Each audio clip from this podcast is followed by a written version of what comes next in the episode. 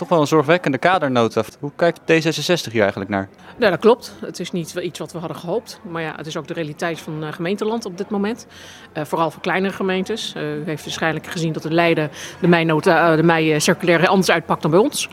Verder is het wel zo dat wij daardoor uh, hebben aangedrongen dat uh, duidelijkheid wordt over hoe de bezuinigingen gaan komen. Nou, daar heeft de wethouder toegezegd. Verder zien we ook graag, daar hebben we nog een aantal kostenposten waar we echt vragen over hebben. Zoals zwembad, of het nou alleen onderhoud moet zijn of renovatie. Waar zit er ruimte, speling? Want er zijn een aantal grote bedragen. Als we die nu uitgeven, hebben ze later voor later niet.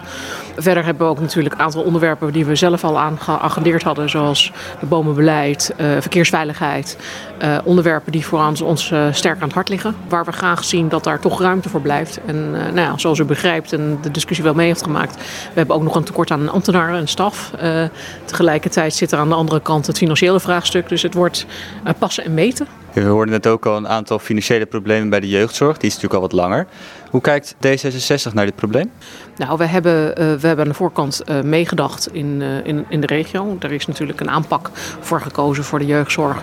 Om daar dat op, met de nieuwe triag en dergelijke op te bouwen. Nou, daar zijn ze nu volop mee bezig. Dus wij hopen nog oprecht dat de komende maanden daar de eerste resultaten van echt opleveren.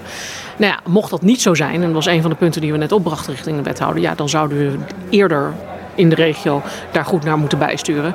Ja, en het blijft natuurlijk een open-ended uh, verhaal. Dus, uh, uh, maar ja, dat is natuurlijk een discussie met Rijk.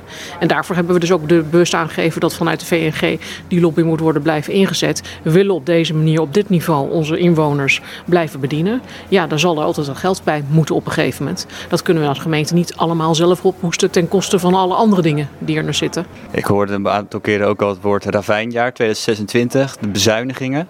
Zijn er eigenlijk onderwerpen waar absoluut niet op bezuinigd mogen worden?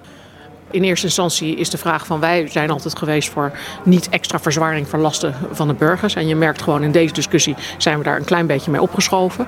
Eigenlijk hebben we het eigenlijk teruggedraaid om het om te beperken. Ik kan niet vooraf zeggen van dit wel en dit niet. Omdat we die discussie ook aan moeten gaan in het context van het jaartal waar we in zitten. Wat ik nu zeg, kan uh, voor 2023 gelden. Maar de wethouder gaf aan dat hij met zijn verhaal in 2024 komt. Dan kan het verhaal toch wel anders liggen. Ook uh, gelet op de onderwerpen die dan spelen voor onze inwoners.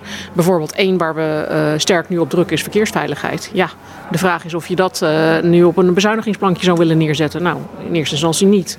Bomenbeleid is voor ons belangrijke omdat je duurzaamheidsdoelen wilt behalen. Dus er zijn een aantal dingen die we natuurlijk aangeven. En sociaal domein is iets dat we met z'n allen hebben afgesproken. Dat we de zwakkeren in het, in, in gemeenschap uh, natuurlijk willen blijven ondersteunen. Maar goed, daar komen ze volgend jaar met een armoedebeleid in. Dus het is ook daar weer zoeken naar de juiste balans.